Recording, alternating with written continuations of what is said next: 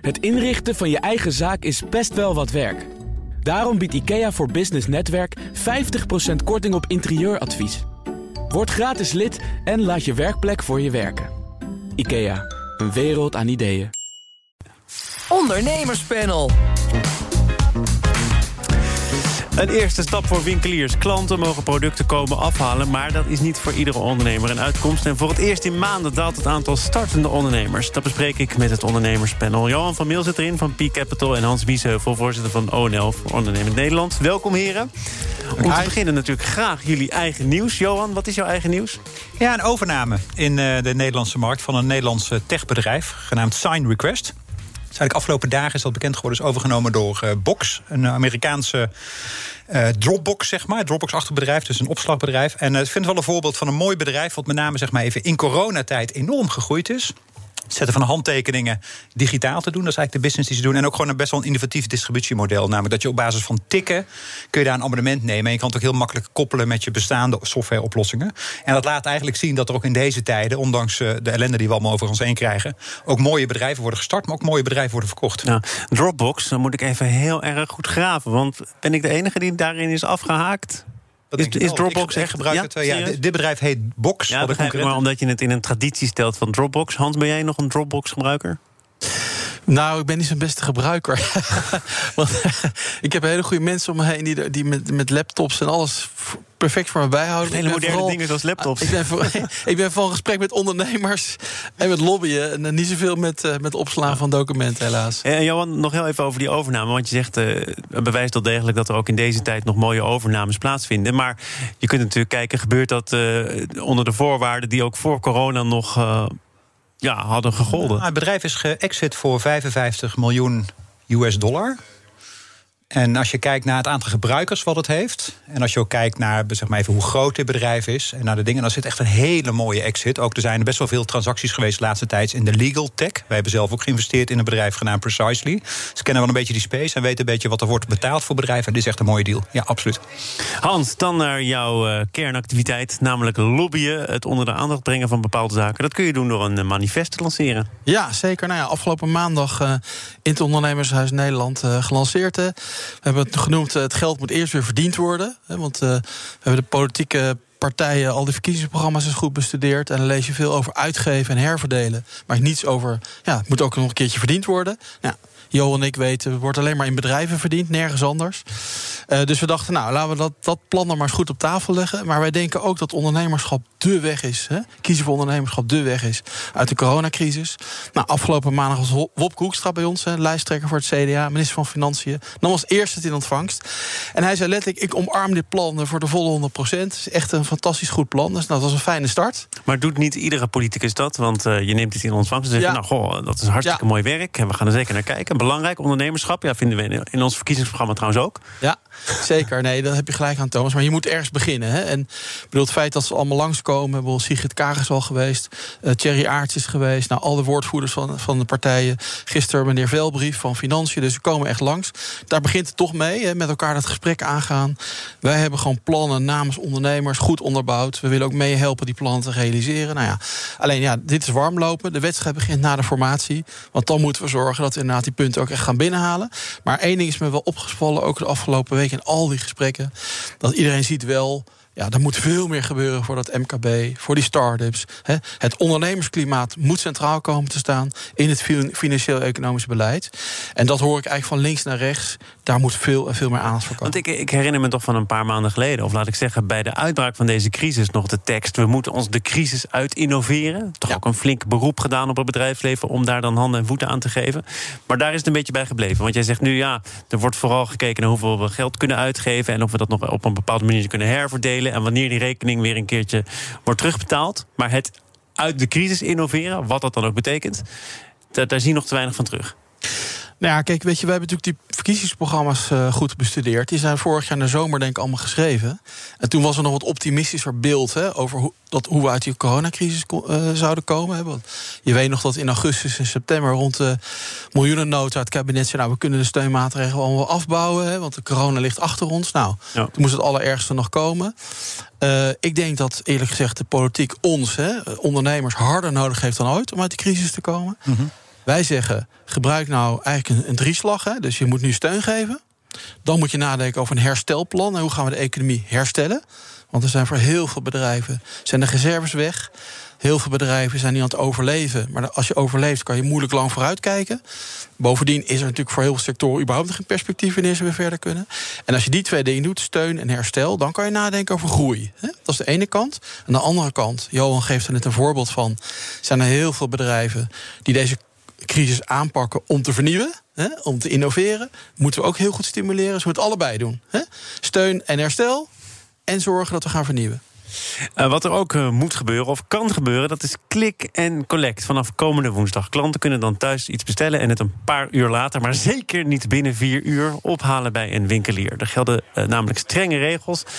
Premier Rutte zei er afgelopen dinsdag iets over op de persconferentie. En het antwoord komt samengevat hierop neer dat die risico's klein zijn als de voorwaarden zo streng zijn dat het niet te druk kan worden in de winkelstraten.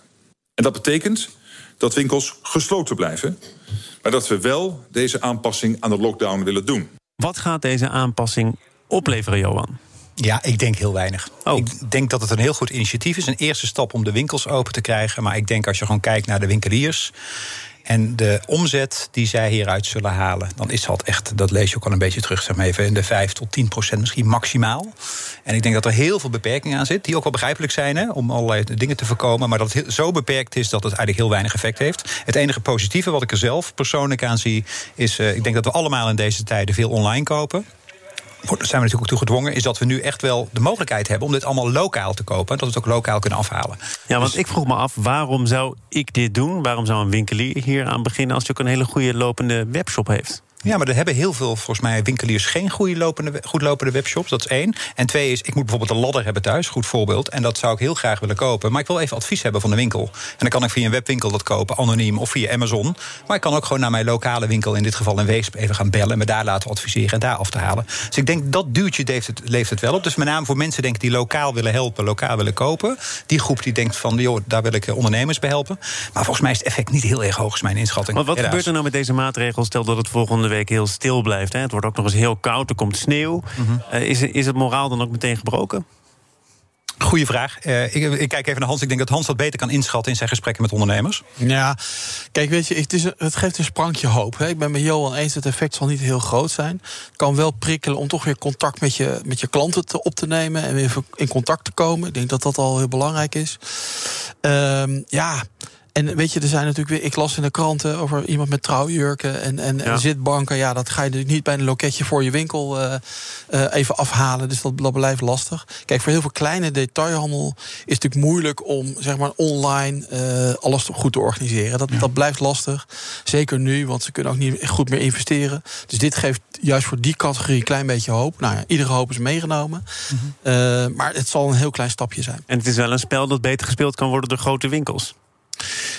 Ja, maar weet je, dat, eh, je kan in die vergelijking hè, verlies je, je met allerlei onderwerpen op een gegeven moment wel. Kijk, ik koop heel graag lokaal. Hè. Ik gun het vaak die ondernemers. Maar inderdaad, voor het persoonlijk contact, het advies, vind ik het fijn om een lokaal te kopen. Ik denk dat voor heel veel mensen geldt. En dit nogmaals biedt de kans om het contact te herstellen met je klant. En ik denk dat dat ja, heel veel ondernemers weer een beetje hoop op de toekomst geeft. Kun jij of kunnen jullie iets zeggen over hoe dit nu eh, op het gebied van de lobby is verlopen? Want voorzitter Hubert Bruls, hè, ook burgemeester, en voorzitter van de veiligheidsregio's, zei uh, dat hij pas vorige week kennis maakte met dit fenomeen van klik en collect. Terwijl er volgens mij in landen om ons heen al driftig mee wordt geëxperimenteerd. Sterker nog, het is daar gewoon al maandenlang de praktijk. Hoe kan het dan dat iemand die een sleutelrol vervult in deze hele discussie pas sinds vorige week überhaupt weet dat dit bestaat. Nou, ik, ik, vraag me af of dat echt zo is. Maar goed, kijk, wij, hebben al, wij zijn al drie maanden in gesprek met het kabinet over dat fenomeen van maak, hè, probeer nou alle ruimte die er is voor winkeliers hè, om die te benutten. Nou, dit is zo'n uh, voorbeeld. Kan je iets over die lobby zeggen? Ik heb een paar weken geleden een online werkbezoek gebracht uh, met vier ondernemers in het torentje, namelijk met premier Rutte. En er was een uh, onderneemster bij Maastricht met een woonaccessoirewinkel. En die zei: Ja, het is eigenlijk heel gek, ik ben dicht. De klanten mogen je niet even een vaas komen ophalen of een ander product. Naast me zit een koffieshop. En daar staan de mensen de hele dag in de rij met troep te kopen. En hoe kan dat nou? Dat dat dan wel mag. En bij mij mag je niet even een product komen ophalen. Nou, volgens mij heeft die, uh, dat werkbezoek vrij veel effect gehad. Laat ik het maar even zo zeggen. Uh, op de gemoedstoestand ook bij, bij Mark en anderen. Uh, en ik, ja, ik wil niet zeggen dat het alleen maar hierdoor komt. Maar dit heeft wel de zaak goed in beweging gebracht. En dat toont maar weer aan dat die stem van ondernemers goed moet worden gehoord in Den Haag. Want dan kan je dingen bereiken. Hoe aannemelijk is het dat dit een opstapje is naar... ik sprak zojuist de directeur van de Bever... afspraken in de winkel, zodat je daar je spullen kunt ophalen. Maar sterker nog, dat je daar ook gewoon live je spullen kunt kopen. Ja, hopelijk, hopelijk absoluut een opstap. Want ik denk namelijk dat dit, dat hoop ik in ieder geval, de eerste stap is naar het openen van de winkels weer. En dat gaat uh, heel stringent nu, ook met het niet kunnen retourneren, et cetera. En niet kunnen adviseren, wat een hele belangrijke functie denk ik van de winkels is. Dus ik hoop dat het heel erg opent. Je ziet het ook aan winkels, hè, want als ik om mij heen kijk, zeg maar in die tijd dat die winkels open waren, waren ze echt wel heel goed bewust van het veiligheidsrisico, et cetera. Dus compliment aan ondernemers hoe ze dat al hebben gedaan. En ik denk dat dit een goede stap is. Maar laten we dat niet zeker af afhankelijk maken van die eerste week als het slecht weer is. Want denk, daar gaat weinig gebeuren. Ze moeten helaas een beetje tijd hebben om hier doorheen te gaan. Maar ik hoop dat dat de eerste stap is. Ja. en misschien nog één aspect. Kijk, dit toont ook aan, zeg maar voor mij dan althans, dat, dat die lockdown nog veel langer gaat duren. Hè? Mhm. Want ik bedoel, we zijn er niet uh, eind februari uit. Hè? Ik denk dat het nog tot diep in het voorjaar gaat duren. En ik denk dat het kabinet ook gedacht heeft, ja, we moeten iets doen. Hè? Toch een klein beetje lucht te geven. Uh, dat je het ook in dat licht een beetje moet zien. Hè? Dat, uh, die lockdown gaat nog veel langer duren dan we dachten een maand geleden. Ja. Uh, ik reken op echt diep in het voorjaar. En men moest iets doen om, om lucht te geven. Datzelfde geldt voor de basisscholen. Hè? Dat ja. is ook een maatregel die daarin past. Zaken doen podium is voor het ondernemerspanel met Johan van Meel van Peak Capital en Hans Biesheuvel van ONL. Er wordt gewerkt aan een lichte vorm van dwang om ervoor te zorgen dat bedrijven mensen thuis laten werken als ze niet op de zaak aanwezig hoeven te zijn. Dat meldde RTL Nieuws deze week. Driekwart van de mensen die thuis kunnen werken, werkt ook thuis. Maar dat percentage moet, volgens het kabinet, omhoog. Uh, kun je daar een vorm van dwang aan te pas laten komen, Johan? Ja, alles kan, maar ik vind het persoonlijk absurd. Ik denk dat je gewoon als werkgever heb je gewoon de plicht om goed voor je mensen te zorgen. Je wil ook niet dat ze ziek zijn. Uh, wij, als ik even kijk hoe wij het met Peak Capital regelen. We hebben een kantoor en dat is ruim genoeg. We zitten met tien mensen normaal, maar het is ruim genoeg om één of twee mensen te huisvesten, zo je te laten werken. En dat moet ook, want die mensen hebben thuis niet de faciliteit om goed te kunnen werken. Dus wij doen het rolerend dat er maximaal één of twee mensen op kantoor zijn. Ja, dat gaat helemaal prima. En ik denk niet, we moeten niet ook achter de voordeuren bij de ondernemers dingen gaan regelen. Dan gaan we denk ik met z'n allen volledig doorslaan. Ik zie jou heel vies kijken, Hans. Ja, ik heb echt een hekel aan, de, aan, de, aan, aan dit soort ideeën. Hè. Dat je een wet gaat vastleggen dat mensen verplicht thuis moeten werken. Dan haal je de, zeg maar, de ruimte bij, bij ondernemers en werkgevers helemaal weg. Terwijl je nu juist alle ruimte moet benutten om bedrijven goed te laten functioneren.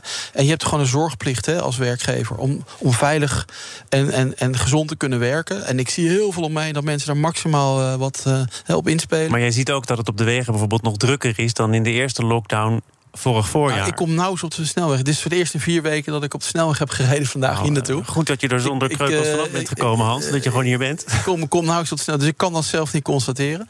Maar laten we eerlijk zijn, er zijn ook heel veel beroepen waar je niet thuis kan werken. Ik bedoel, in de bakker... Hè, uh, nee, maar dat wordt volgens mij ook niet gezegd. Hè. Het gaat met name om kantoormedewerkers... die wel degelijk uh, thuis hadden kunnen werken en dat dan niet doen. Maar hoe, hoe ga je dat handhaven? Hoe stel je dat vast? Hè? Ja. Zodat heel veel mensen zitten in, in, in, een, in een servicerol... dat ze af en toe dat op kantoor achter een beeldscherm kunnen oplossen maar soms ook gewoon naar een klant toe moeten. Heel lastig te Maar ik snap, ik snap dat het handhavingsargument belangrijk is, want het moet ook praktisch ja. uitvoerbaar zijn. Ja. Maar dit is ook een principiële kwestie. Als je zegt, ja, alleen samen krijgen we corona eronder. Dat staat nog altijd trouw op de banner van de premier. Uh, ligt er dan ook niet een morele verantwoordelijkheid van Thomas, ja, ik, ik, loop elke dag in Den Haag. Ik, zie de, hè, ik heb deze week een paar ministers op bezoek gehad en Kamerleden. Die zeggen ook, ja nee, ik moet gewoon komen. En dat snap ik, want het land moet bestuurd worden. We moeten de pandemie eronder krijgen. Zo geldt dat ook maar dat geldt ook in bedrijven. Ja, fully agree, absoluut. En je zit hier ook, hè. er zijn hier ook mensen op kantoor, ja, letterlijk aan het werk. Nou ook, ja. Nou, ja. aan het werk. maar het is nodig ook om in sommige beroepen, ook op kantoor en et cetera, dat, dat uh, gewoon op een plek te kunnen doen. En ik denk ook dat de ondernemers zich heel erg bewust zijn van dit risico. En niemand dat het wil. Dus ik denk dat dit echt een oplossing is die totaal niet bij het probleem past. Er zijn ook uh, politieke partijen geweest, onder andere de VVD, die uh, wel hebben gesteld dat als een bedrijf op grote schaal gebruik maakt van steun. en tegelijkertijd blijkt dat er heel veel medewerkers op kantoor zijn. Uh, asociaal noemde de VVD dat. Dan zou er nagedacht moeten worden over. Moet die steun dan nog wel worden verleend? Moet er misschien zelfs wel worden terugbetaald? Want je kunt niet enerzijds die steun vragen en anderzijds je niet aan de regels houden. Ik gooi het even op tafel. ja, maar heb ik hetzelfde antwoord op. Kijk, uh, weet je, uh, die steun is natuurlijk voor heel veel bedrijven keihard nodig om überhaupt te overleven en die banen te houden. Ik ben het wel eens met het feit dat we met z'n allen natuurlijk die verantwoordelijkheid hebben om te doen wat we kunnen doen om dat virus te bestrijden. Daar ben ik het 100% mee eens. En je hebt als werkgever echt die zorgplicht. Niet alleen naar je klanten, naar je medewerkers, maar ook naar al je stakeholders. Hè? Want er zijn ook vaak mensen waar je allerlei verplichtingen en afspraken mee hebt. En ik geloof dat dat bij overgrote deel van de bedrijven heel goed zit in Nederland.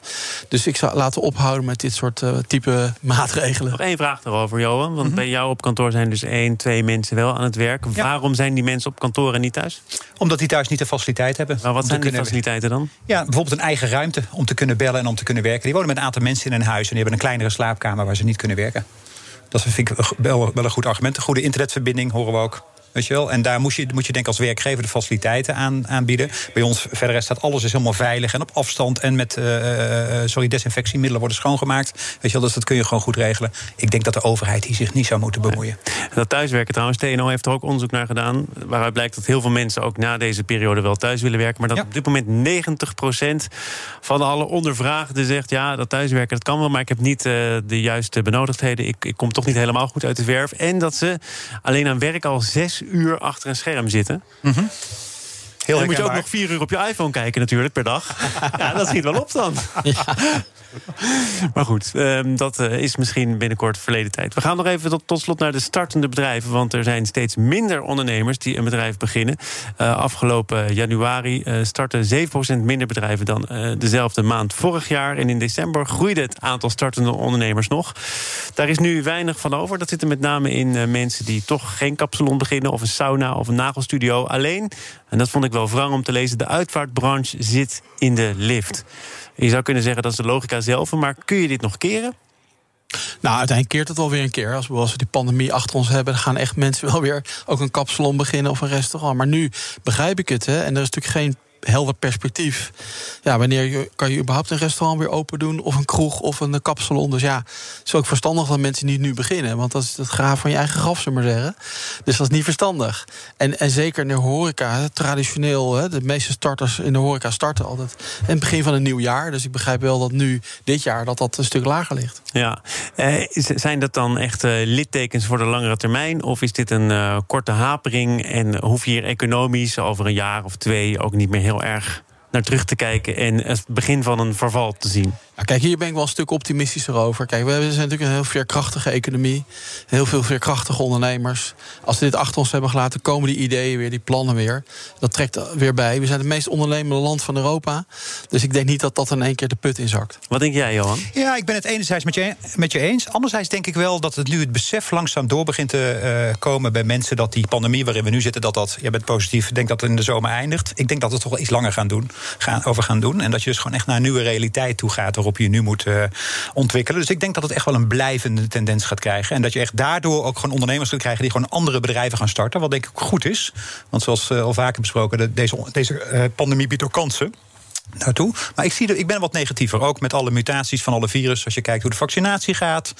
Als je ook kijkt gewoon hoe het om ons heen gaat met de derde golven die komen. Ik denk dat het niet in de zomer is opgelost. Ik denk echt wel dat we dit jaar nog helemaal ermee te hebben. En, en misschien wel daarna ook. En als je uh, nieuwe bedrijven wil beginnen of je bedrijf uh, wil laten groeien, dan kun je natuurlijk een beroep doen op investeerders. Absoluut. Want het is ook aan jullie dan om ervoor te zorgen dat die goede ideeën alsnog ruimte krijgen, ja. krijgen om te worden uitgewerkt. Ja, absoluut. Ja, ik, ik, weet niet hoeveel er nog op de plank ligt, want uh, daar verschillen ook. Nou, een beetje idee te krijgen, Thomas. Uh, toevallig net vanochtend een artikel op LinkedIn gepost dat wij de meest actieve investeerder in Nederland waren met tien investeringen afgelopen jaar. Nee, wij blijven door investeren in ondernemers die nieuwe bedrijven opzetten in technologie die dit faciliteren. Zie je dat ook als een, als een verantwoordelijkheid? Want absoluut. Ik, ik, ik, zou me kunnen voorstellen, voor jullie geldt het dan kennelijk niet, maar dat je ook een beetje kopschuw wordt, omdat je niet precies weet waar het heen gaat. Nou, dat zie omdat je. je denkt dat je te veel betaalt voor bedrijven. Ja, dat zie je dus ook. Je ziet het aantal investeringen is afgelopen jaar is dat heel hoog geweest, hoger dan daarvoor. Maar als je dat even uitkleedt en je kijkt naar de zogenaamde seed en pre-seed investeringen, dus hele vroege bedrijven die of nog geen omzet hebben of nog zelfs nog niet live zijn, daar is het aantal investeringen heel erg hard gedaald. En wij zijn eigenlijk als investeerder daar juist door blijven investeren om die nieuwe bedrijven, die nieuwe technologieën ontwikkelen, om die gewoon op de kaart te zetten. Als je, als je dit uh, hoort, Hans, dat het ook echt onder druk staat, daar waar het risico het grootste is, namelijk in het begin. Ja. Hoe rijm je dat dan met het feit dat wij zo'n ondernemend land zijn? Nou ja, we hebben natuurlijk meerdere crisissen meegemaakt. Hè. Ik, bedoel, ik ben zelf in 86 als ondernemer begonnen, heel lang geleden. En mijn dochters denken dan aan zwart-wit film zonder geluid, Johan. Maar, uh, en ik heb natuurlijk ook wel wat crisissen meegemaakt. En uiteindelijk zie je toch dat we er vaak weer veerkrachtiger uitkomen. Ik ben wel met Johan eens dat we natuurlijk van de zomer nog niet af zijn. Hè. Ik bedoel, de gevolgen zullen nog heel lang dooreilen. Maar laten we zeggen, deze lockdown, daar had ik het eigenlijk over. Ik verwacht mm. dat die hè, in de zomer echt wel voorbij is. Alleen ja, de, de, de gevolgen van deze crisis zullen nog jarenlang voelen. Ja, hè. En vandaar ook dat mijn pleidooi voor dat herstelplan. Hè, kunnen we in één keer gaan denken aan groei. Maar heel veel bedrijven, heel sectoren moeten eerst gaan herstellen. En dan kunnen ze pas gaan groeien. Mm -hmm. um, ja. Als je nu wel begint, hè? Ja. Die mensen zijn er. Tuurlijk. Wat zou jouw tip zijn? Nou ja, kijk, er zijn natuurlijk kansen. Hè? En als je ze nu kan pakken, moet je het vooral doen. Hè? Ik bedoel, uh, er zijn natuurlijk heel veel interessante overnames nu mogelijk. Hè? Absoluut. Dat je op lage, uh, lage ko uh, koersen interessant kan instappen. Maar en die kansen moet je durven zien natuurlijk. Ja, maar ook op de start. Hè? Als je ja. kijkt, alle succesvolle bedrijven die wij nu kennen... Uber, Airbnb, et cetera, zijn allemaal gestart ja. in of na een crisis. Omdat dat namelijk een nieuwe maatschappelijke uh, uh, bewegingen met zich ja, meebrengt. Creative destruction, hè? Ja, absoluut. Ja. Dus dit, dus dit biedt Never echt kans om crisis, ja, toch? Daarom. en als je kijkt, de, Warren Buffett heeft volgens mij twee derde van zijn vermogen in de crisis verdiend. In de termen van exits, et cetera. Dus dit is echt een kans ook om te ondernemen en om te bouwen. Maar in heel veel traditionele sectoren, kappers, restaurants, Agree. kroegen, daar is het structureel nu op dit moment heel ingewikkeld. Hmm. Dank voor jullie optimisme toch ook, zo vat ik het dan maar samen. Johan van Meel van Peak Capital en Hans Biesheuvel van ONL. En uh, over ondernemerschap gesproken, zometeen weer uitgebreid tijd voor twee jonge start-ups die gaan Het inrichten van je eigen zaak is best wel wat werk. Daarom biedt IKEA voor Business Netwerk 50% korting op interieuradvies. Word gratis lid en laat je werkplek voor je werken. IKEA, een wereld aan ideeën.